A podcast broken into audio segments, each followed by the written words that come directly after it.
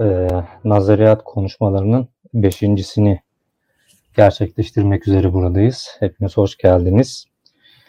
E, bu konuşmalar malumunuz olduğu üzere Nazariyat e, dergisinde yayınlanmış olan çeşitli makaleler hakkında e, yapıla gelen e, konuşmalardan oluşuyor. Şimdi bu zamana kadar e, dört konuşma e, yapıldı.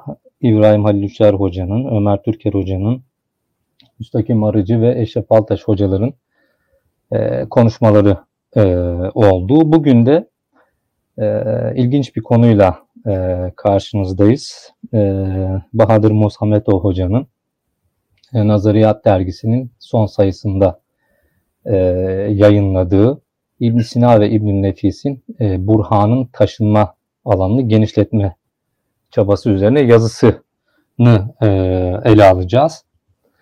Şimdi e, Bahadır Hoca Türkiye'de e, uzun zamandır çeşitli e, çalışmalarda e, değinilen ancak hakkında henüz müstakil bir çalışma yapılmamış olan bir konuyu doktora tezi olarak çalıştı. Bu konu metabezis e, yasağı meselesi.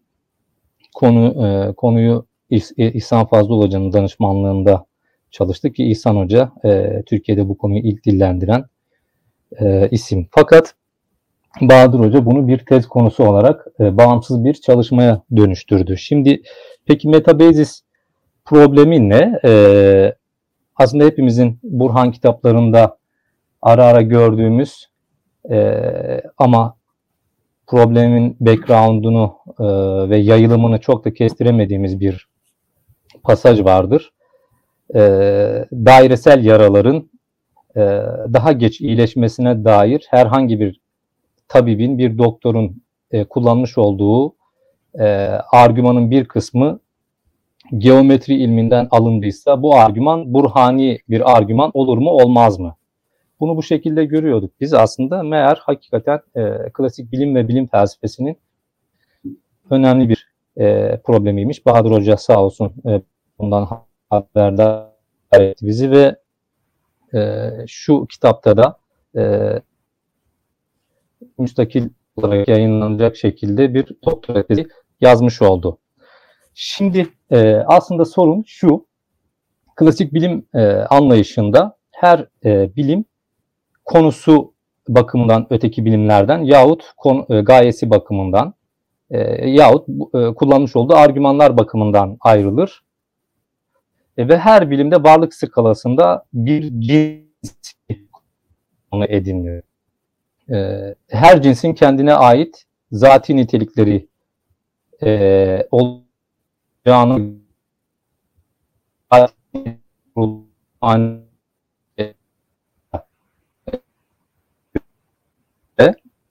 şu olduğumuz e, argümanı başka bir bilime taşıyabilir miyiz? Ya da bu argümanı başka bir bilime taşıdığımızda birincisinde burhani olarak e, iş gören argüman ikincisinde de burhani olur mu? Olabilir mi? E, yani benim anladığım kadarıyla Aristotelesçi özcülük, özcü bilim anlayışıyla yine mant Aristoteles mantığının çelişmezlik yasası tarafından sıkı bir şekilde sınırları çizilmiş bir e, durum var burada. O da şu yani her cinsin kendine ait zati nitelikleri varsa bu zati niteliklerle e, oluşturulan burhan e, başka bir cinse taşındığında çelişmezlik yasasını zedeleyecek, zorlayacak. E, çünkü her özün kendine ait nitelikleri bir bilimin konusu olmuş. Aristoteles burhanı ve burhani kıyası belirlerken aslında burhani kıyasın e, Bahadır Hoca'nın da e, dile getirdiği üzere mütecanis terimlerden e, ve bu terimlerin meydana getirdiği öncüllerden oluştuğunu yani her birisi birbirine zatilikle bağlantılı ve ilişkili olan terimler. E, bu bilimde bu bilimin konusu için zati olan şeyler acaba öteki bilimde onun konusu için de zati olur mu? Aristoteles bunun olmayacağını, olamayacağını dile getiriyor. Dolayısıyla bu bize e, örneğin matematikte kullanılan bir burhani kanıtın başka bir bilime aktarılamayacağı gibi bir e, sonuç getiriyor. Fakat e, bu kuralı koyan e, kendisi e, olmasına rağmen Aristoteles kuralın bir istisnasının örneğini de dile getiriyor. O e, işte Hipokrates'ten beri, Hipokrat'tan beri e, tabiplerin konuşa geldiği dairesel yaraların geç iyileşmesine dair kanıtlar. E, niçin öteki şekillerde değil de e, dairesel şekillerdeki yaralar geç iyileşiyor sorusuna verilen e, cevapta kullanılan bazı argümanların matematiksel geometrik olduğunu böyle olunca da bir bilimden başka bir bilime burhanın taşındığını görüyoruz. Dolayısıyla kuralın istisnasının Aristoteles'ten beri e, var olduğunu görüyoruz. Buna e, metabezis yasağı adı veriliyor. Yahut İhsan Hoca'nın o ilk çalışmasında dile getirdiği gibi cinslerin bağımsızlığı e, yasası adı veriliyor. Her cins öteki cinsten bağımsız bir varlık alanı meydana getirdiğine göre bu cinsin e, burhanı öteki cinse taşınabilir mi? Dolayısıyla e, aslında Bahadır Hoca'dan rol çalmak istemek istemiyorum demek isterim ama e, rol çalabileceğim bir konu değil. Çok teknik bir konu. Ancak e, konunun uzmanı e, ele alabilir e, işin detayını. Ben sadece konunun bu şekilde e, genel bir çerçevesini çizmek isterim. E, bugün e, Nazariyat dergisinin son sayısında Bahadır Hoca'nın İbn Sina özelinde e, burhani kanıtların bir bilimden diğerine taşınmasında İbn Sina'nın bu metabezis yasağını e, esnetme çabalarını e, konuşacağız. E, sözü kendisine veriyorum. E, şeyi e, söylemiş olayım. E, sorularınız olursa e, chat kısmına yazabilirsiniz. Bahadır Hoca'nın sunumu bittiğinde sorularınızı kendisine ileteceğiz inşallah. Bahadır Hocam buyurun. Teşekkür ederim hocam. Sağ olun. Gerçekten konu belirttiğiniz gibi çok zor bir konudur. Yani Burhan konusu zaten zordur. Burhan'ın taşınması daha zordur. Bir de Burhan'ın taşınma alanı genişletme çabası daha da zordur. Dediğiniz gibi. Öncelikle e, nazariyat konuşmalarına davet ettikleri için İlmi Etkiler Derneği'ne teşekkürlerimi sunuyorum. Hocam size de moderatörlük kabul ettiğiniz için ayrıca teşekkür ediyorum hocam. E, belirttiğiniz gibi e, benim e, Nazariyat dergisinde çıkan makalem e, İstanbul Medeniyet Üniversitesi Felsefe bölümündeki doktora programındaki hayatım boyunca İhsan Fazlıoğlu hocamızın danışmanlığında yazdığım doktora tezimin bir parçasıdır. Belki de önemli olan kısımlardan biridir. E, hocam belirttiğiniz gibi e, bu Burhan'ın taşınması e, kavramı literatürde çok farklı bir şekillerde ele alınıyor. İhsan Hoca buna cinslerin bağımsızlık kuralı demiş, cinslerin kapalılık ilkesi diye de bu zikrediliyor. Mehmet Fatih Birgül hocamız İbn-i Rüşd'ün Burhan teorisini anlatırken böyle bir kavram, terimi kullanmıştı. Bir de çok yaygın olan metabasis yasağı dediğiniz gibi hocam. Bu metabasis yasağı Yunanca bir kavramdır. Meta öteki, basis geçiş demektir. Ötekine geçiş. Bazen bu metabasis eis, allos, genos diye de kullanılıyor. Öteki cinse geçiş. Yani dediğiniz gibi e, bir bilimdeki araştırma yapar, yapılırken konusu ilkesi farklı olan bir ilimdeki araştırma yöntemini uygulamak demektir. Böyledir. E, İslam e, felsefe bilim tarih açısından taşıdığı büyük öneme rağmen Burhan'ın taşınması konusu belki Burhan araştırmaları içerisinde en çok ihmal edilen alanlardan biridir diyebiliriz. Aristoteles'in bu metabaz siyasayla ilgili görüşlere üzerine yapılan araştırmaların kapsamını hesaba kattığımızda İslam bilim felsefesindeki bu araştırmalarda sadece birkaç e, doktorat tezindeki kısa alt bölümler hariç herhangi bir çalışma bulunmuyor maalesef. İhsan hocamız doktora tezi dışında tabii ki. Bundan biraz sonra bahsedeceğim. Gerçekten e, bu ciddi, dolayısıyla bu boşluğun biraz bir anlamda bir kapatılma, doldurulmasını am amaçlamıştım hem makale yazarken. E, bitti bir de bu Avrupa'da yani Batı'da bu çalışma neredeyse 100 yıldır yapılıyor hocam. İlk çalışma 1930'larda başlamıştı. E, çok farklı bilim felsefesi tarihçiler farklı açılardan bu konuya yaklaşmışlar. Mesela sadece Stephen Livesey ve Philip Steinkrüger isimli araştırmacıların doktora e, araştır, araştırmacıların eserleri bir doktora tezi olarak sırf bu konu incelendiği araştırmalarda yani. Bir de bunun dışında yani bilim felsefesi ilgili herhangi bir çalışma yapılırsa bir bir makale olarak ya da bir kitap olarak diyelim ki bir, bir kitabın bölümü ya da bir alt bölüm en azından bu konuya ayrılıyor. Yani çok yaygın artık bir literatür haline geldi e, Batı'da. E, bizde maalesef bu konu e, çok da biraz aksıyor. E, e, dediğim gibi İhsan Fazlıoğlu hocamız bunu bir e, ayrıca bir doktora tezinde yani 1998'de savunduğu Aristoteles nicelik sorunu adlı doktora tezinde bu konu ele alıyor. Bir de orta terim temelinde bu metabas yasağının e, İslam felsefe bilim geleneğinde baskın çizgi olduğunu vurguluyor. E, bu Burhan'ın ilimler arası taşınmasındaki kurallara, kuralların Burhan'ı ilmin ilim olup olmadığını belirleyen bir ölçüt olduğunu, bir de Burhan'ı araştırma esasını teşkil ettiğini söylüyor. Yeri gelir şunu belirtmemiz gerekir. İhsan Hoca bu konuyu bilim tarihindeki yansımalar ışığında değerlendiriyor. Onun böyle bir değerlendirmesi bilim felsefesiyle ilişkili konuların mutlaka bilim tarihiyle ilişkilendirilerek okunması gerektiğinin böyle yapılmadığı takdirde konunun tam olarak anlaşılamayacağın bir delilidir. Fakat maalesef e, İhsan Hoca'dan sonra yani Türkiye'de son yıllarda yani Burhan teorisi üzerine yapılan araştırmalarda e, bu konu neredeyse hiç dikkate e, alınmadığı görülmektedir. Peki bu konu neden bu kadar önemli? Hocam sizin de belirttiğiniz gibi Burhan kavramı e, bir anlamda e, akıl yürütmenin gerçek olduğunu gerekçelendirme ve gerçeği tespit etme sürecinin e, anlam, anlamına geldiğini ifa, hesaba katarsak ikinci analitiklerin ana ilgi odağının bir burhanın karşılanması gereken koşullar olduğu açığa çıkmaktadır. E, fakat e, bu yani burhan oluşturan kimse e, kendi amacına ulaşmayı hedefliyorsa onun akıl, akıl yürütme biçimi geçerli olmalıdır. Fakat e, bu akıl yürütme yani onun o, burhan oluşturan kimsenin iddiası kendi sonucunu e, sadece bu burhani kıyasın öncülleri yani geçerli olduğunda değil belirli standartlara karşıladığı takdirde ispatlanmış olur. E, öyledir. E, bir de e, Burhan'ın e, şöyle diyelim ve böylelikle Burhan teorisi bir anlamda mantık araştırmaların en tepe noktası olarak karşımıza çıkmaktadır. Bir de şöyle bir de söyleyebiliriz. Burhan'ın ana konularından biri olan bilimler arası ilişkiler de aslında temelinde zatilik kavramını bulunan Burhan'ın taşınmasına dayanır. E, böylece Burhan'ın taşınması bir an Burhan ilmin en önemli konulardan biri olduğu açığa çıkmaktadır.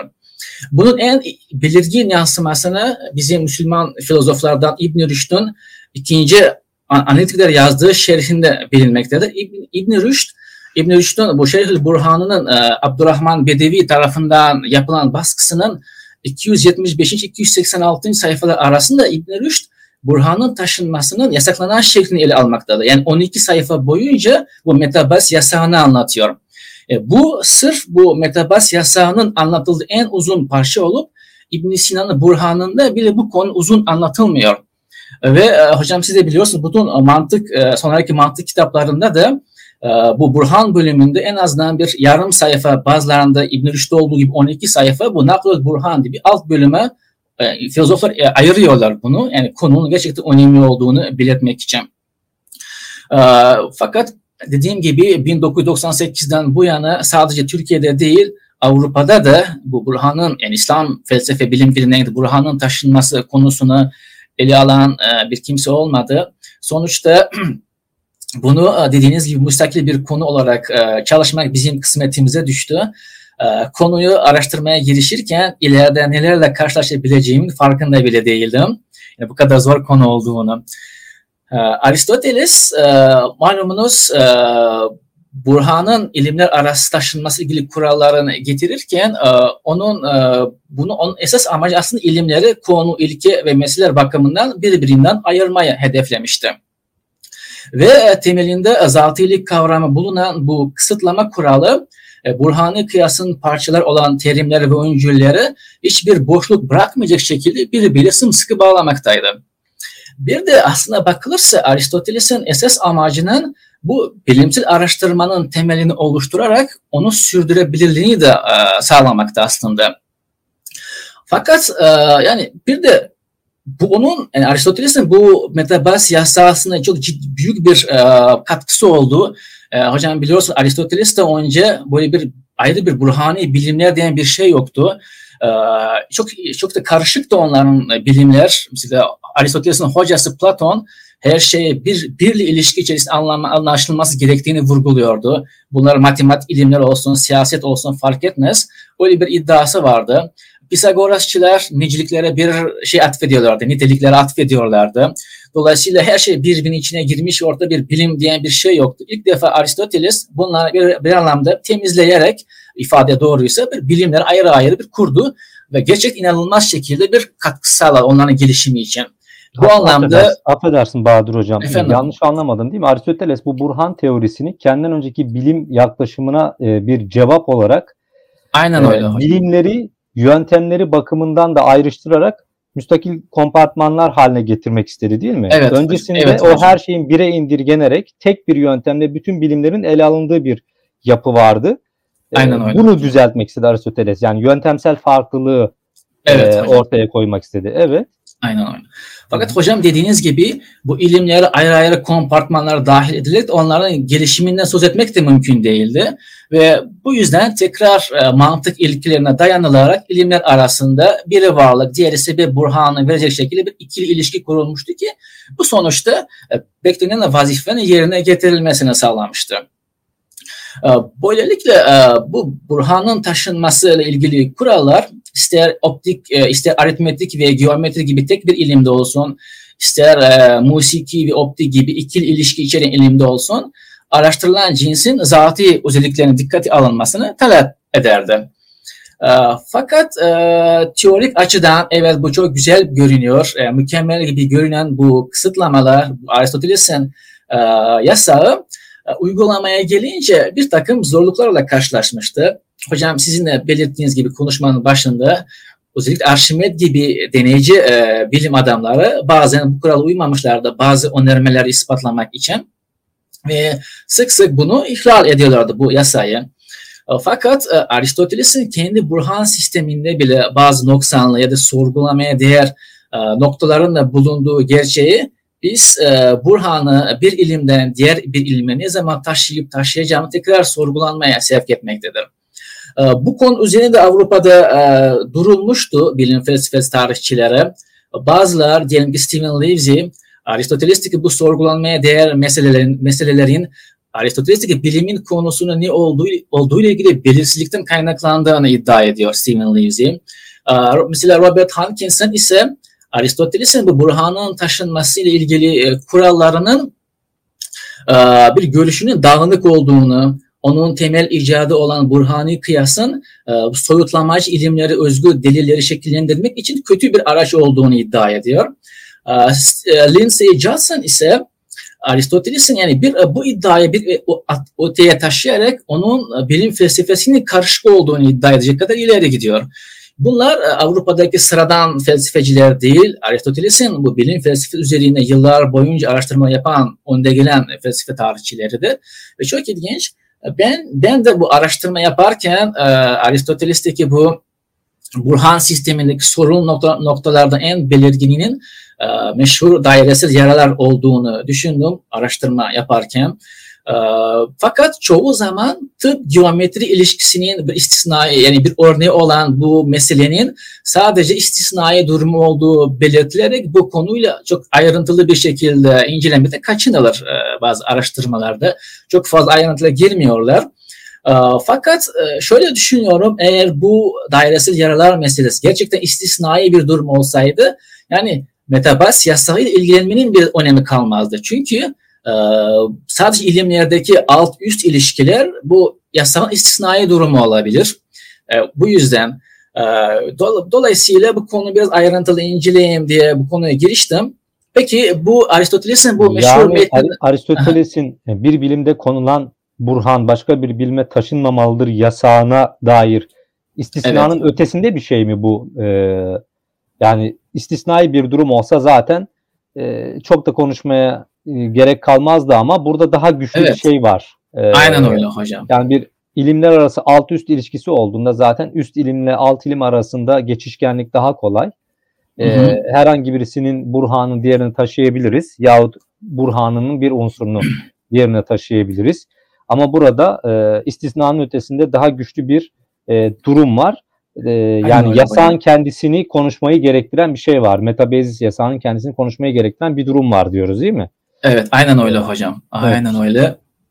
Peki hocam şu metni tekrar ele alırsak, e, daha ayrıntılı analize girersek daha anlaşılır olacak diye düşünüyorum. Aristoteles ne diyor kendi e, Burhan kitabının birinci kita makalesinin 13. faslında sonunda? Birbirlerinin kapsamına girmeyen ilimlerin pek çoğu e, yani böyle ilişkilidir diyor. Yani biri varlık, diğeri sebep burhanı verecek şekilde ilişkilidir. Mesela diyor dairesel yaraların yavaş iyileştiğini bilmek tabibin işidir. Bunun sebebini bilmek ise geometricinin işidir diyor. Peki biz bu metnin kendisini analiz edersek metinsel olarak Aristoteles bunu e, birinci kitabın 13. e, faslının sonunda söylüyor. E, Bu metinler yukarıda ise biraz önceki satırlarda biraz önce bahsettiğim aritmetik, musiki, geometri, optik gibi ilimlerdeki bu ilişkilerden bahsediyor. 14. e, fasılda ise Burhani kıyasının birinci şeklini anlatmaya geçiyor. Yani böylece bu metin, bu pasajı buraya yerleştirme bir anlamı yoktu. Bunu yaparken başta iş başına iş geleceğini farkındaydı. Bu tür ilişki işte aritmetik, musik, geometri, optik gibi bir ilişki şeklinde benzemediğini kendisi de söylüyor. Dikkat edersek birbirini kapsamına girmeyen ilimler, ilimler diyor. Yani kendisi de bunu açıkça kabul edip itiraf ediyor. Fakat Aristoteles bunu ne ki bu e, Burhan kitabında ne de başka bilimsel eserlerinde bu konuyu ayrıntılı yani tekrar ele almıyor. E, bu kadar anlattığı bu kadardır ve ayrıntılara girmiyor. E, Eğer biz bu meseleye biraz tarihsel arka plan ele aldığımızda bu problemi çok da meşhur bir mesele olduğu anlaşılmaktadır.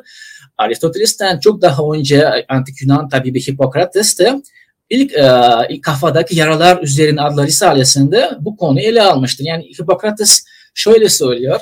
Yani dairesel, iç bükey ve benzer yüzeye sahip yaraların e, yani yaraların e, daha uzun olmasını sağlamak için insan boyuyla orantılı şekilde bu dairelerin çevresinin iki karşı noktasında kesilmesi gerektiğini söylüyor. Söylediği bu kadar ama niçin uzatılması gerektiğini cevaplamıyor. Ee, Bir de e, bu konu açıklama biçimi Hipokrates'ten sonra, Aristoteles'ten sonra da hem varlık hem sebep burhanı bakımından ciddi tartışmalara yol açmıştı. Antik Helenistik dönem tabiplerinden Herophilus, e, Cassius, Iatrosophist, Asklepiades gibi tabipler de bu konuyu e, bayağı tartışıyorlar. Yine aynı, onlardan da bir fikir birliği yok. Evet bazıları e, da yaranın şeklinin işte iyileşmesine bir etkisi yok diyor. Bazıları hayır etkisi vardır diyor. Bazıları bunu geometrik burhanın açıklaması ne kadar doğrudur diye bir tartışıyorlar.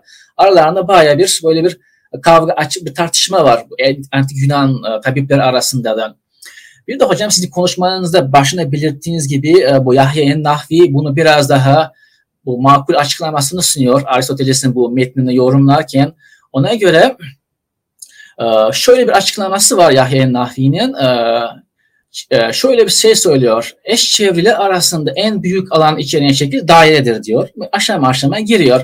Çünkü eş çevreler arasında daha fazla kenar olanlar daima daha büyük alanı içerir. Daire çok genlerin sınırı olduğundan tüm şekillerin en büyük alanını içerir diyor. Tamam. Çünkü diyor biri düz, biri düz e, kenarlara sahip ve büyük ama diğeri e, dairesel ama daha küçük alana sahip iki yara ele alındığında yine dairesel olan daha yavaş kabuk oluşturacaktır diyor. Çünkü diyor açılara sahip olmadığı içindir. Ee, bu yüzden diyor tabipler böyle bir yaraları daha iyileşmesi hızlandırmak için onları kesiyorlar diyorlar. Biraz daha e, makul bir, biraz böyle gerçeğe yakın bir açıklama gibi geliyor. Fakat yine de hem Aristoteles'in bu metnini hem de antik dönem e, şarihlerinin metnini yine bizim Avrupa'daki felsefe tarihçileri bunu yorumlama konusunda onlar da fikir birliği yokmuş. E, Meşhur Jonathan Barnes Aristoteles'in bu örne sunduğu bu örneğin onun zatilikle ilgili tezine tamamen aykırı olduğunu söylüyor. Fakat Jonathan Barnes'ın bu ifadesi bilim camiasında pek yankı uyandırmıyor. Çünkü hocam siz de biliyorsunuz bu zatilikle ilgili teze tamamen aykırı olmak demek tüm Burhan sistemine aykırı olmak demektir. Ee, Robert Hunt kendisi... Bahadır Hoca şu, şu yani Yahya Nahvi bize şunu söylemiş oluyor o zaman değil mi? E, dairesel şekildeki yaraların daha geç iyileşmesine dair sebep burhanını tamamen o yaranın geometrik şekliyle açıklıyoruz biz. Yani Evet bu yara hocam. başka şekilde olsaydı daha hızlı iyileşebilirdi fakat sırf dairesel olduğu için geç iyileşiyor. Aynen öyle. Dolayısıyla tabip bunun varlık burhanını biliyor. Burada bir olguyu görüyor tabip. Yani dairesel yaralar geç iyileşiyor olgusunu biliyor. Hı hı. Varlık burhanını biliyor. Ama buna dair niçin dairesel yaralar geç iyileşiyor dediğimizde e çünkü dairesel yaraların e, daire şeklinde olduğu için daha çok yüzeyi kaplaması gibi bir durum var açıklaması. Onun sebep burhanını veriyor. Yani tam da Evet. Yahya Navi'nin dediği gibi e, sebep burhanı burada tamamen geometrik bir e, kanıtla e, getirilmiş oluyor. Bu işte zaten metabezis yasağının çiğnenmesi veya sınırın aşılması gibi bir durum e, Doğru. ortaya çık- çıkartıyor. Evet. Öyle hocam. Ee, dediğiniz gibi Jonathan Barnes e, işte bunun ciddi bir sıkıntı olduğunu söylüyor. Fakat Hankinson e, hocam de, dediğim gibi e, bunun e, aslında metabes yasasını ihlal etmediğini diye iddia ediyor. Çünkü ona göre dairesel yaraların e, daha yavaş iyileşmesi ben- veren geometrik açıklama sadece bir biçimsel içeriğe sahip diyor. Bu kadar yani böyle bir problem görmüyor Hankinson. E, işte Philip Stein-Krüger ise e, Aristoteles'in kendisi bu meseleyi ayrıntılı açıklamadığı için kendi başına bunu açıklamaya girişen kişi için bir sıkıntı, bir zorluk meydana gelecek diye iktifa ediyor. Gördüğümüz gibi bu, burada da e, bir uzmanlar arasında bir fikir birliği yok. Bu konu açıklama konusunda bir fikir birliği yok. E, bu yüzden İbn Sina işte e, Aristoteles bunu ayrıntılı açıklamadığı için bir zor duruma düştüğü e, görülmektedir. Ve bu durum onun Burhan kitabında ikili davranmaya sevk ettiği, e, sevk etmeye zorlamaktadır. Nedir İbn Sina? İbn Sina bakın Burhan kitabının birinci makalesinin e, 11. faslında Burhan'ın öncüllerini anlatırken e, şöyle diyor. Tabip diyor küreselin daha kuşatıcı olmasından hareketle dairesel yaraların daha yavaş e, zor iyileştiğini sonuca varır diyor. Fakat bunun gibi kıyas gerçek Burhan değildir diyor. Çünkü diyor e, oyuncular sonuçla ilişkisizdir. E, zira geometrik yani aslında e, geometrik büyük, büyük önerme kullanılarak bununla doğa biliminin alana giren, giren matlubun açıklanması amaçlanmış ve ilişkili illet belirtilmemiştir diyor. Yani İbn Sina bunun gerçekten gerçek Burhan olmadığını dile getiriyor Burhan kitabında. Ee, Peki e, e, bunu ne- neden böyledir? İbn Sina bunu Burhan kitabının ikinci makalesinin beşinci faslının sonunda tekrar bunu ele alıyor. Çünkü neden gerçek Burhan değildir? Çünkü her ilim kendisine özgü öncülerle açıklanmak zorunda diyor İbn Sina. Ortak oldukları şeyler dışında bir ilme diğer bir ilimde açıklanan bir açıklama giremez diyor. Bu net olarak söylüyor. Aristoteles'in metabes yasağını tanıtırken. Peki e, Burhani kıyastaki oyuncular yani gerçekten Burhani olmaları için onların işte sonuçla ilişkili olmaları ve sonucun bulunduğu bilginin bütünlüğü dahil olmaları gerekir İbn Sina'ya göre. Ve işte oyuncuların sonuçla ilişkili, olması ifadesi ise bu Burhani kıyastaki oyunculardan birinin veya her ikisinin yabancı bir ilimden olmaması demektir aslında. O halde e, İbn Sina'nın ifade ettiği gibi oyuncular sonuçla ilişkisi ilişkili olmazsa biz bir ilimden diğer bir ilme yasa dışı yolla geçmiş oluruz. E, bu nasıl meydana gelir? İbn Sina bunu kendisi tekrar da söylüyor. E, Burhan'ın taşınmasını e, anlatırken e, İbn Sina'ya göre bir şey bir ilimde öncül olarak alınır. Yani başka bir ilimde açıklanan bir açıklama tarzı öncül olarak alınır ve biz onu öncül olarak diğer bir ilme taşımış oluruz. Bu işte Burhan'ın taşınmasının yasaklanan şeklidir. Ee, bu nasıl olur? Ee, öyleyse biz dairesel yaraların daha yavaş iyileştiğini, bu dairenin özellikleriyle açıklamaya kalktığımızda e, tıbba ait kıyası sonuçta ilişkis- ilişkisiz olan bir e, yöntem kullanmış oluruz. E, bu nasıl meydana gelir? Bunu bir Burhani kıyas şeklinde açıklamaya kalkarsak, diyelim ki biz e, dairesel daire en kuşatıcı şekilde sahiptir diye bir geometrik öncül alalım büyük öncül olarak. Tamam. En kuşatıcı şekilde sahip yaralar daha yavaş iyileşir diyen bir öncül kullanırız sonra küçük öncül olarak. Sonra sonuç olarak bu iki öncülden e, hareketle biz e, dairesel yaralar yavaş iyileşir diye bir sonuca varıyoruz. Sonucumuz doğru mu? Doğrudur. Fakat e, büyük öncül geometrik olduğu için e, öncüller işte sonuçla ilişkisiz olduğunda bunun gibi kıyas burhani olamaz diyen bir sonuç çıkarır İbn Sina. Bir de hocam ilginç ki İbn Sina'nın öğrencisi Behmeniyar da tahsil kitabının Burhan bölümünde bu konu ele alıyor. Behmenyan, Behmenyan açıklamasını makaleye dahil etmemiştim. Onu sonradan öğrendim ama yeri gelmişken yine de söyleyeyim.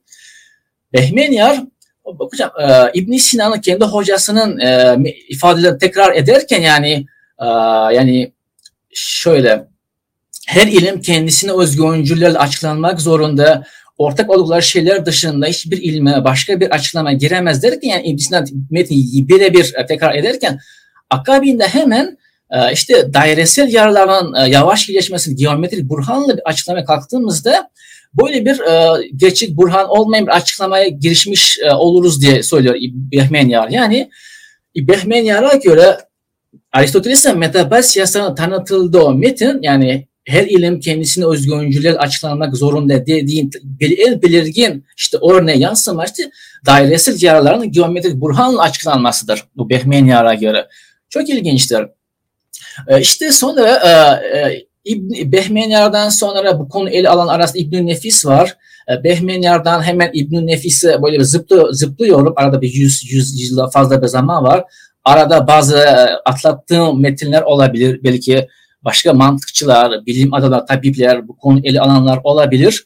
İşte İbn Nefis de kendisine Şerhül Vuraykat fil Mantık kitabında ee, Burhan'ın Burhan'ın oyuncuları ve meselelerini anlatırken işte dairesel yaraların e, daha yavaş iyileşmesini geometrik bir e, düzlem geometrisi daha doğrusu başvuru açıklamanın hem Burhani Burhan'ın oyuncuları hem de Burhan'ın meseleleri bakımında yanlış olduğunu dile getiriyor.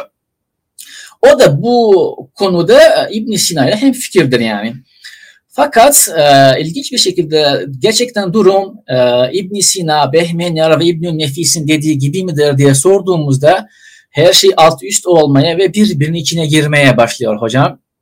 Aslında ibn Sina işte öncüller sonuç ilişkisi, ilişkisi olduğundan gerçek burhan değildir ifadesi yetinebilirdi, iktifa edebilirdi. Fakat Aristoteles'in işte birbirinin kapsamına girmeyen ilimlerin pek çoğu bu ilişkilidir ifadesinden bunun sanki gerçek Burhan olduğu anlaşılıyor. Ve bu yüzden e, İbn, İbn Sina Burhan ilerleyen sayfalarında daha doğrusu üçüncü makalesinde e, Burhan'ın e, varlık ve sebep Burhanlar yeniden açıkladığı o kısımda bu düzlem geometrisini gerçekten dairesel yerden daha yavaş iyileştiğin sebebini verebilmek için bir anlamda ee, doğa bilimiyle e, geometri sentezleyerek durumu kurtarmak zorunda kalmaktadır. E, ne yapıyor İbn Sina? İbn Sina'ya göre e, tıbbın konusu, yani yaranın konusunda uzak bir aras iyileşebilir. Yani daire, yaranın dairesiyle iyileşebilir yaranın konusuna. Bu yaranın dairesiyle yani uzak aras zati araz yani iyileşmenin zorluğunu gerektirir. İbn Sina'ya göre böylece ee, yaranın konusu o, o dairesel bitişerek ve özelleşerek e, böyle bir anlamda e, yani zorunlu bir hal yani burhani bir açıklamaya e, haline gelecektir diyor.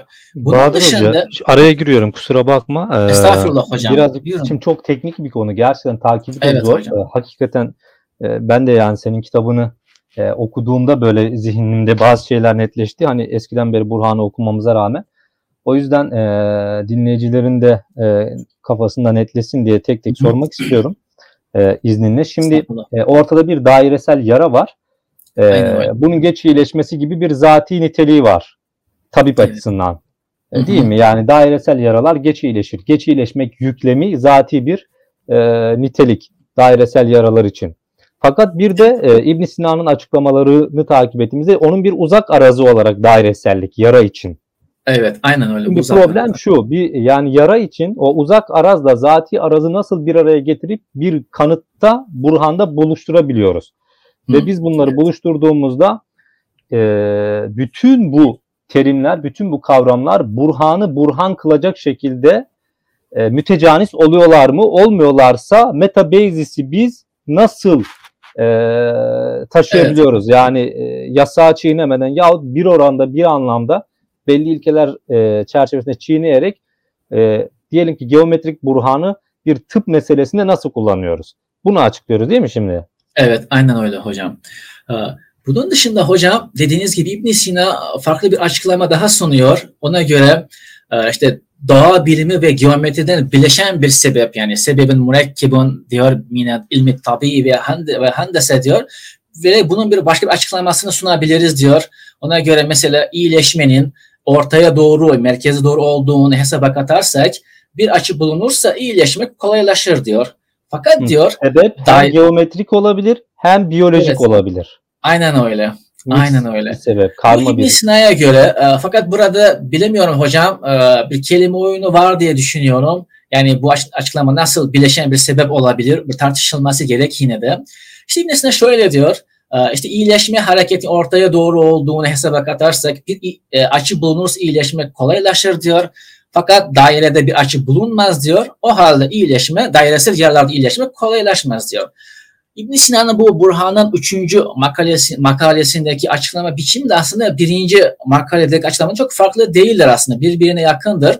Dediğim gibi bence İbn Sina burada biraz laf kalabalığı mı yapıyor, biraz uzatıyor mu vallahi bilemiyorum. Ama yine de bana göre İbn Sina bu çabası bir anlamda durumu kurtarma bir çabasıdır aslında. Böyle e, bir de hocam e, şöyle bir durum var. Dikkat edersek burada bir mesele yani dairesel yerlerle ilgili açıklamanın ilk başlangıçta e, İbn Sina'ya göre bir gelişimi söz konusudur. E, bir tekrar ele alırsa çok ilginç bir gelişim evrim var. Hipokrates ne diyordu? Dairesel yaraların iki karşı noktasında kesilmesi gerekir diyor. Bu kadar da anlattı. Sonra Aristoteles bunu, bu açıklamayı alıyor ve onu bir anlamda bilimsel bir dayana, dayana oturtmaya çalışıyor.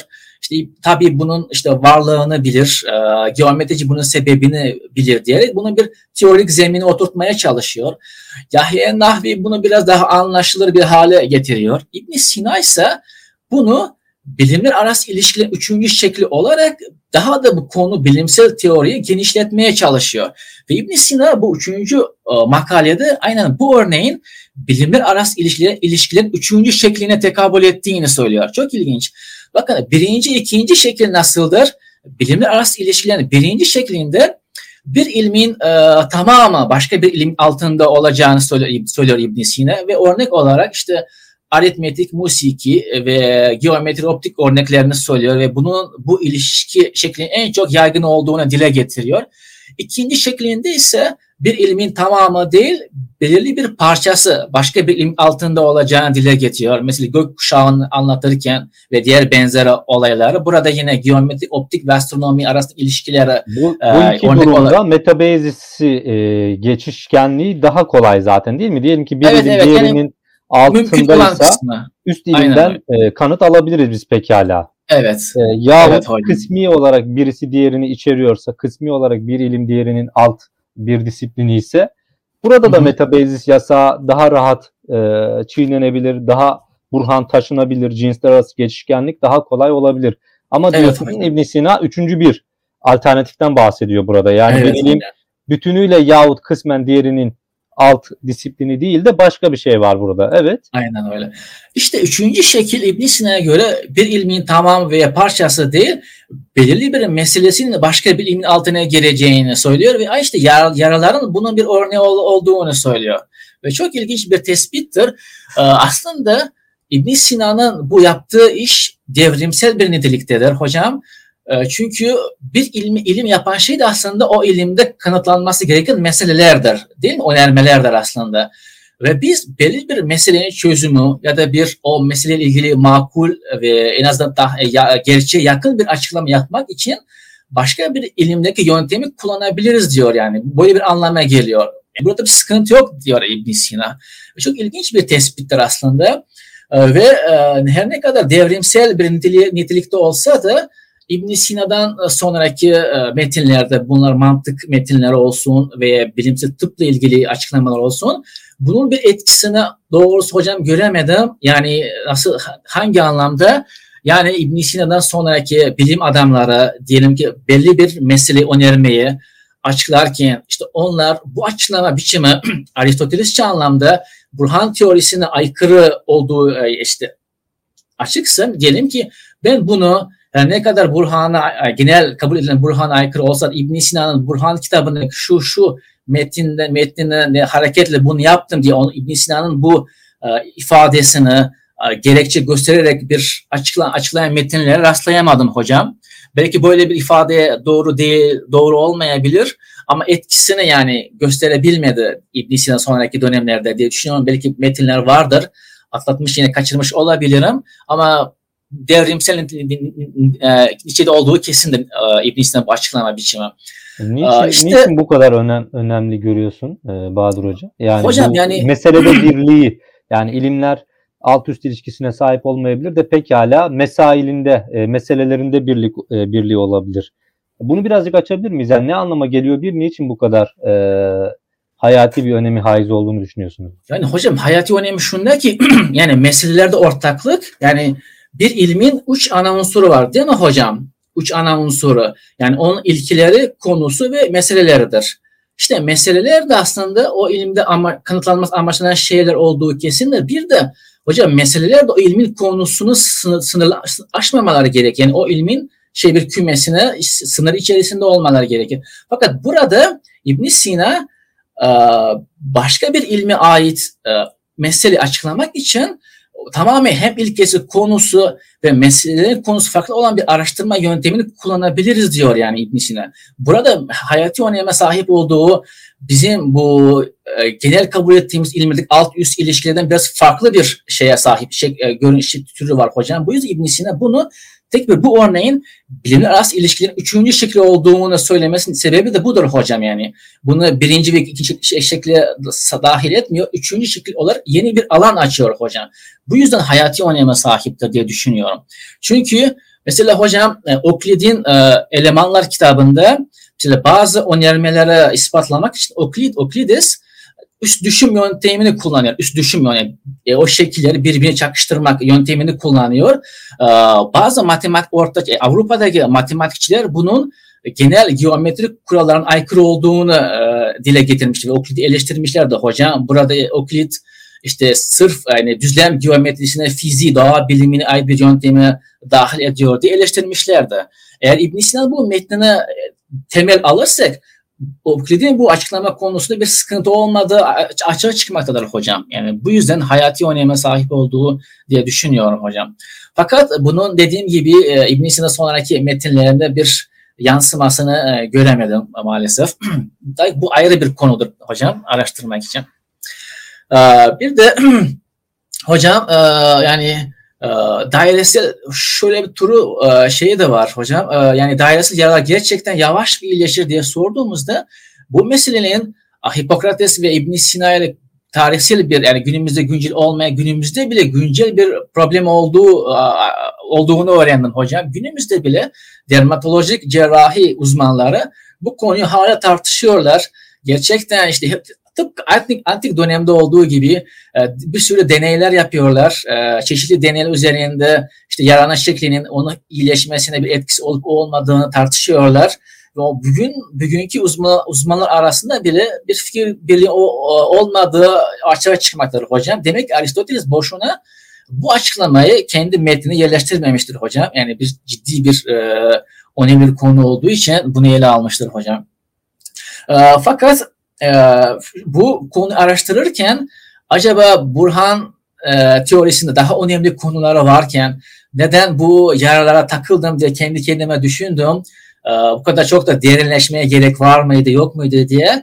Bu yüzden e, kendi düşüncemi belki de çürütecek, belki de kuvvetlendirecek bir başka bir bunun bir durumları var mıdır diye tekrar bu tıp geometri ilişkisi içerisinde araştırmaya devam ettiğimde başka bir örneğe, daha bir önemli örneğe denk geldim. Burada artık şeyde anatomide bunun farklı bir e, örneğini buldum. Ha şunu söylemeyi unutmuştum hocam. İbn Sina'nın e, aklıma geldi. İbn Sina bu tıbbın yani en eski meselesi olan yaralar konusunu e, el kanun fit tıpta ele almaması mümkün değildi. E, tıp kanununda İbn Sina işte etin olmadığı yerde e, ve bu dairesel yaraların daha zor iyileştiğini söylüyor. Bunun dışında e, çocuklar için biraz ölümcül bile olduğunu söylüyor. Çünkü çocuklar bu tür yaraların tedavisine dayanamayacaklarını söylüyor, söylüyor İbn Sina. Bunun böyle bir açıklamasında fakat daha fazla ayrıntılara girmiyor orada İbn Sina. İşte yani dediğim her gibi halükarda tabiplerin yakasını bırakmamış bu yaraların şeklinin hocam e, iyileşmeye e, etkisi meselesi tabiplerin e, yakasını bırakmamış yani. Evet. Aynen, aynen öyle hocam. Dediğim gibi e, farklı bir örneklere varmada bir araştırmalara devam ettiğimde anatomi e, bölümünde bunun başka bir örneğine denk geldim. Burada artık e, Galen meşhur roman Helenistik dönem tabiplerinden Galen devreye giriyor burada. İnsan Galen hocam anatomik burhanlarında matematiğin de bir önemli yerin bulunduğunu böyle bir vurguluyor. Bir anlamda Aristoteles'in Burhan teorisine bir paralel, e, bir mukabil kendi Burhan teorisine bir geliştirmeye çalışıyor. Anatomi yani tıpla araştırmalarında. Çok farklı bir yaklaşım tarzı var Galen'in. Yani Galen e, şöyle hocam e, ne diyor? Mesela tabiplerin geometriğini ve mantığı bilmelerinin bir zorunlu, gerekli olduğunu düşünüyor. Ee, bu yüzden hatta ki Galen'in şöyle risalesi var. En e, iyi tabip aynı anda büyük bir filozoftur diyen bir risalesi var. Yani çok farklı bir yaklaşım tarzı var ve Galen'in Galen'in bu yaklaşım tarzını onun işte e, bazı belirli bir insan vücudu parçalarının e, neden belirli belirli bir şekillerde olduğu açıklama açıklamasını net bir şekilde görüyoruz. Ve Galen'e göre Galen küreyi ee, herhangi bir e, insan vücudunun herhangi bir parçası için en iyi bir yapısal bileşen olduğunu dile getiriyor. Yani küreye, küreye böyle bir özellik atfediyor. Ee, ve onun bu e, açıklama biçimini İbn Sina tarafına benimsediği görülmektedir. İbn Sina tıp kanununda e, anatomi kısmında insan kafatasını kafasını açıklarken onun e, küresel şekilde olmasının e, iki bakımdan e, yani yararlı olduğunu söylüyor. Birisi kafatasının dış e, kısmı bakımından, ikincisi iç kısmı bakımından. E, dış kısmı bakımından yararı e, işte dairesel, küresel şeklin açılı şekillere nispetle e, hasara daha az uğraması açısındandır diye söylüyor İbn Sina. Fakat burada yine çok fazla ayrıntılara girmiyor. E, burada yetiniyor İbn Sina. İbn Sina'nın e, bu tür açıklaması aslında e, hem tıbbın ilkeleri bakımından hem de matematiksel açıklama biçiminden bir kafa karışıklığı e, yaratabileceğin e, e, bir farkında değil mi yok muydu ama bunu en iyi fark eden yine de e, onun halefi ve meslektaş İbn Nefis fark etmiş. Burada yani İbn Sina'nın bu açıklama biçiminin tıp yani en azından tıp kurallarına, anatomi e, biliminin e, ilkelerine aykırı olduğunu en iyi bir şekilde fark ediyor İbn Nefis. Bunu e, İbn Nefis, İbn Sina Tıp Kanunu'nun anatomi kısmını yazdığı şerhte mukaddimesinde bunu dile getiriyor ve bunu yine aşama aşama olarak bunu açıklıyor. Yani İbn, İbn Nefis'e göre e, belirli bir organın şekli o organın zati özelliğidir. Ve tabip e, insanın vücudun organın şeklini, ölçüsünü onun zati arazi olarak delillendirir diye dile getiriyor. Bu, bir burada de organ... artık şey oldu değil mi hocam? Artık mesele bir anatomiye taşındı. Evet hocam bir anatomi Sadece yara meselesi olmaktan çıktı. Tıbbın öteki alanına da sıçradı. Yani evet, hocam. anatomiye taşındı Galen'le birlikte. Evet, Dahası hocam. anladığım kadarıyla sadece geometrik değil aritmetik unsurlar da devreye girdi. Evet hocam. Aritmetik şeyler devreye girdiğim. Yani sayılar e, işte işte uzvun hem şekli yani o uzvu o şekilde kılan esas niteliğin o şekilde oluşu. Hı hı. E, yani diyelim kafatasını e, dairevi olması onun bir evet, zati e, niteliği olarak görülmeye başlandı. Hatta işte ileride açıklayacaksın belki. Diyelim ki parmak büklümlerinin sayısı bile e, anatomiyle evet, ilişkilendirildi. Yani e, ge- sadece geometrik değil aritmetik burhanlarda bu sefer e, evet, tıbba e, canlılığa doğru taşınmış oldu. Evet, evet hocam. Ya giderek aslında sanki e, esnetiliyor, giderek genişletiliyor evet, e, ve giderek metabez yasa bir şekilde geriye doğru itiliyor. E, evet hocam genişletiliyor. haklısınız. Evet, haklısınız. Ee, işte İbn Nefis e, işte insan insan vücudunun herhangi bir parçasının onun işte zati o şeklin şeklin onun zati arazi olduğunu söylüyor. İşte tabip e, bunu insanın e, belirli bir vücudunun şeklinin e, ölçüsünü onun zati arazi olarak delillendireceğini söylüyor. Fakat diyor insan e, organların yaralarını öğrenmek için gözlemleme gözlemin yetersiz olduğunu gözlemle birlikte istidlalın da gerekli olduğunu yani Burhani yöntemin de e, işin içine katmasının gerekli olduğunu dile getiriyor İbn, İbn Nefis. Bir de e, doğruda insan kafasının şeklini açıklamaya girişirken İbn, İbn Nefis şunları söylüyor hocam çok ilginç tespitleri var. İnsan kafasının dairesi şekilde yaratılması hasarlara da, uğramasına uzak olması için de şık şeklindeki sözümüzün anlamı kafanın aynen bu şekilde yaratılmasının gaye bakımından uygun olması içindir diyor İbn Nefis. Ancak diyor bu kafanın yalnızca bu nedenle dairesel şekilde yaratıldığını tekabül etmez diyor. İnsan kafasının e, küresel şekilde yaratıldığı açıklaması üzerine Burhan getirmenin anatomi kitabına uygun değildir diyor yani. İbn Nefis açık ve net bir şekilde insan kafatasının küresel şekilde olmasının olmasının anatomi kitabını ispat edemeyiz diyor yani. Anatomi kitabına uygun değildir yani. İbn Nefis biraz durumu bu karalı aydınlatmış oluyor yani en azından. Ee, bir de biz sadece zihnimize yakın olan bir açıklamaya ileri sürebiliriz diyor. Ve yine de tıpkı ibn Sina gibi Galenci açıklama biçimini benimseyerek işte dairesel şeklin, küresel şeklin insanın vücudu için en hastalara en az uğrayan şekil olarak işte ifadelerinde devam ediyor İbn Nefis'te. Çok ilginç bir tespitlerdir. Fakat bir problem var hocam burada. Çünkü e, kürenin, dairesel şeklin e, yani böyle bir e, özelliklere yani en kuşatıcı şekil olması sonuçta yine de doğa ilmi ilkeleri bakımından onu hastalara en az uğrayan bir şekil yapmaz değil mi? Çünkü o dairesel ve küresel şeklin aynı anda hangi maddeden yaratıldığını da yapıldığını da bağlıdır yani. Hangi ilkelerden hareketle bunu dile getiriyor e, Galen? Bunu açık tartışılması gerekiyor hocam. E, yine de peki bu işte aynı dediğiniz gibi e, insan parmaklar açıklanmak konusunda aritmetik burhanlar e, işte devreye giriyor.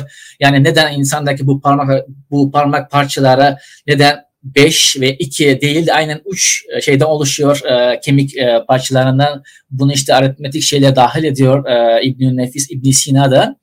Çok ilginç. Peki bunlar hocam işte dairesel yaralar olsun, e, işte insan anatomik bölümündeki açıklamalar olsun, diye parmaklar olsun vesaire.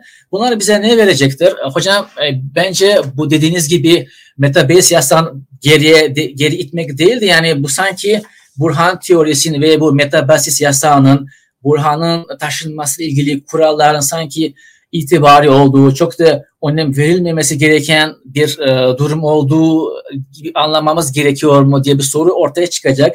Bence öyle değildir. Çünkü bu Burhan teorisi aynı anda bilimsel altyapıdır. Yani bilimsel altyapı işlevini görür.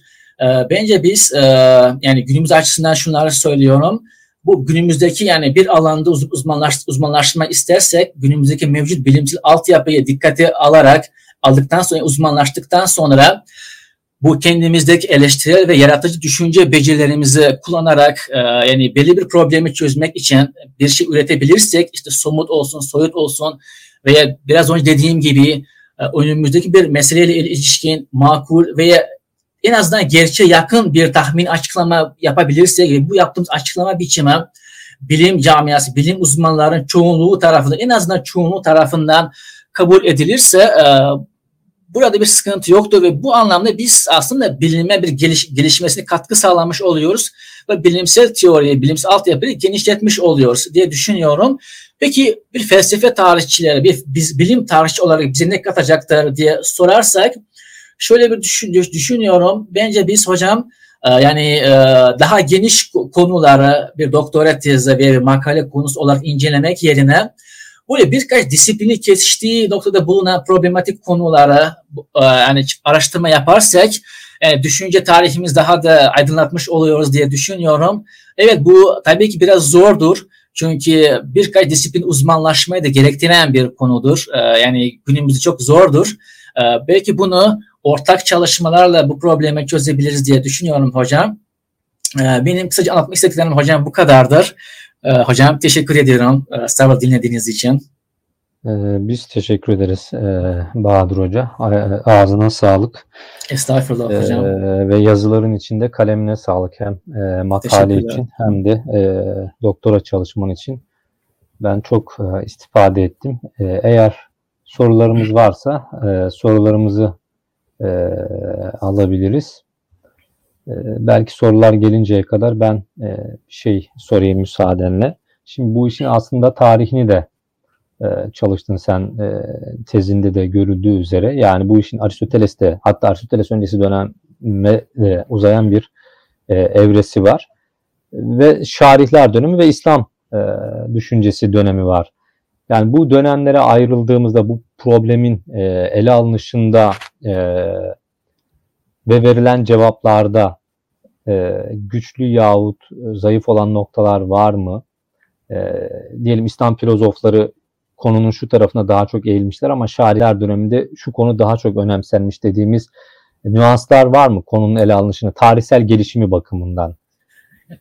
Burhan'ın ta- taşlaması tabii mı modern- yoksa yaralar mı hocam? Hangi konu? Yani bu metabasis problemini genel olarak soruyorum. Ee.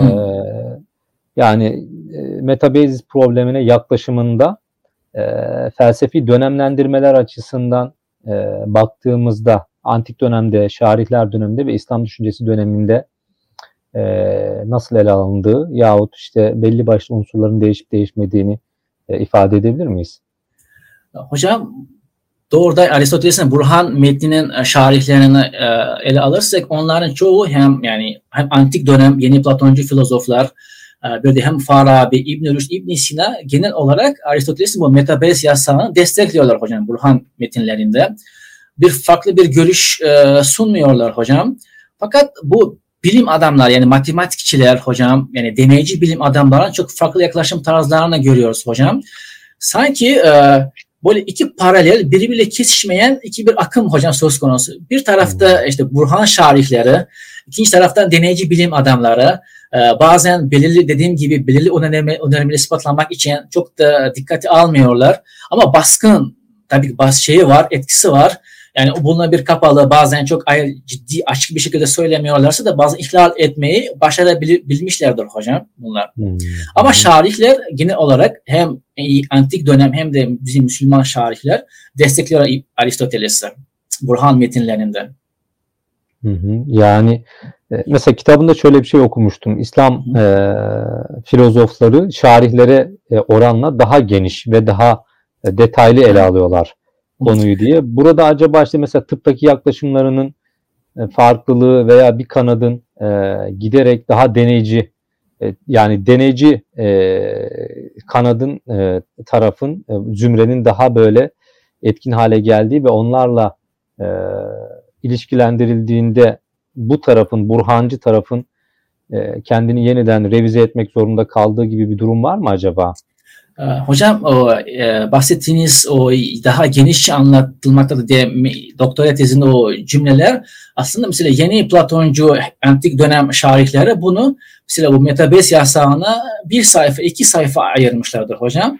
Ee, Bizim filozoflar buna daha da geniş yer veriyorlar. Mesela Burhani matluplar nedir? Bunu anlatıyorlar. Burhani zatı yüklemler nedir? İşte metabes yasağın zatı yüklem bakımından önemi nedir? İşte zatı arazları e, açısından e, bunu ele alıyorlar. Yani daha geniş derken genel Burhan teorisi çerçevesinde bunu daha ayrıntılı bir e, açık, açıklıyorlar hocam. E, Dediğim gibi İbn Rüşd daha çok en çok anlatan İbn Rüşd oluyor hocam bunu. E, bu anlamda daha geniş dediğim bu teorik açıdan ele almışlardır hocam. Hı hı hı. Evet, e, peki. E, teşekkür ediyorum. E, Ben teşekkür Yani bir de konuşmanın başında e, nispeten böyle değindiğim e, sana da belki sorarak konuyu açmanı e, isteyeceğim bir husus var. Aslında buradan baktığımızda hani e, İhsan Hoca'nın da e, tezinde değindiği gibi o cinslerin e, bağımsızlığı meselesi üzerinden hakikaten birbiriyle e, e, bağımsız, birbirinden bağımsız cinsleri konu edinen e, ve bu bağımsızlık üzerine kurulu da bilimler var. Yani Aristoteles'in yapmaya çalıştığı gibi kompartımanlara e, ayrılmış. E, bu aslında özdeşlik, Aristoteles'in özdeşlik e, ilkesi yani her cins kendinde bir öz e, ve o öze ait de bir ilim var. O özü inceleyen bir e, ilim var. E, Dolayısıyla aslında sanki meselenin arkasında o özcülük, Aristotelesçi o özcü bakış açısı e, kendini her zaman gösteriyor gibi değil mi? Yani Evet hocam. e, yani felsefede de olduğu gibi bilimde de e, özcülüğün baskıladığı, özcü bakış açısının e, baskıladığı e, ve nihayetinde işte bir cinsten başka bir cinse taşınmanın bir risk e, olarak görüldüğü bir burhan anlayışı e, var. Bu yönüyle metabezis yasağının eleştirisi aslında e, bir biçimde özcülüğün eleştirisi gibi de e, yapılabilir herhalde değil mi? Evet hocam. Hı hı. olabilir. Evet. Fakat bunun e, metafizik anlamda bu özgürlük eleştirisi hocam e, Avrupa'da e, Descartes'le ortaya çıkıyor hocam. İslam Hmm. felsefi bilgi değil de orada Avrupa daha belirgin bir şekilde yani tam eleştiri orada ortaya çıkıyor hocam. Evet. Evet peki eee, herhangi bir soru gözükmüyor anladığım kadarıyla. Eee, senin söylemek istediğin şeyler var mı son olarak? Eee, son cümlelerini eee, Ee, Hocam alabiliriz. önce- öncelikle teşekkür ediyorum hocam. Ee, Tekrar tek- davet ettiğiniz için. Ee, şöyle bu konunu hocam e, yani ilk bu e, amatör çalışması olarak kabul etmenizi rica ediyorum. Yani yeni bir e, İhsan hocamın başlattığı çalışmanın bir adım öteye taşıyabildiysem çok mutluyum. Daha ileride daha fazla ayrıntılı çalışmalar olursa bu konu daha net bir şekilde anlaşılacağını düşünüyorum hocam. Dediğim ortak çalışma olsun, tek başına farklı disiplinler açısından bunu ele alarak çalışma olursa belki bu alan daha da anlaşılır hale gelecektir hocam. Ne gibi çalışmalar umuyorsun mesela? eee, bu, bu diyelim ki başka ilimler arasındaki ilişkilere yayılabilir, değil mi? Evet hocam aynen öyle. Mesela matematik ilimlerdeki ilişki araş- çalışılıyor hocam. Mesela matematik tarihçiler bu konuyu ele alıyorlar dediğim gibi bazı ama diyelim ki bazı diğer e, fizik doğa bilimleri diyelim ki botanikte bunun bir yansıması var mıdır? Yani biyolojide var mıdır acaba? Peki biz bunların hepsini toplayarak nasıl bir sonuç çıkartabiliriz diye böyle bir sorular var hocam. Yani ileride çok fazla araştırıcı konu problemler var diye düşünüyorum. Evet, evet, evet. Peki, teşekkür ediyoruz Bahadır Hoca. Ben Ee, teşekkür kalemine ederim sağlık, emeğine sağlık. Ee, sunumun için de teşekkür ediyoruz. Ee, Teşekkür ederim. ağzına sağlık.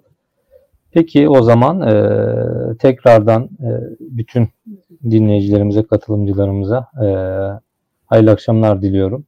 E, bir dahaki e, nazariyat konuşmalarında e, tekrardan bir araya gelmek üzere. E, hayırlı akşamlar. Hayırlı akşamlar.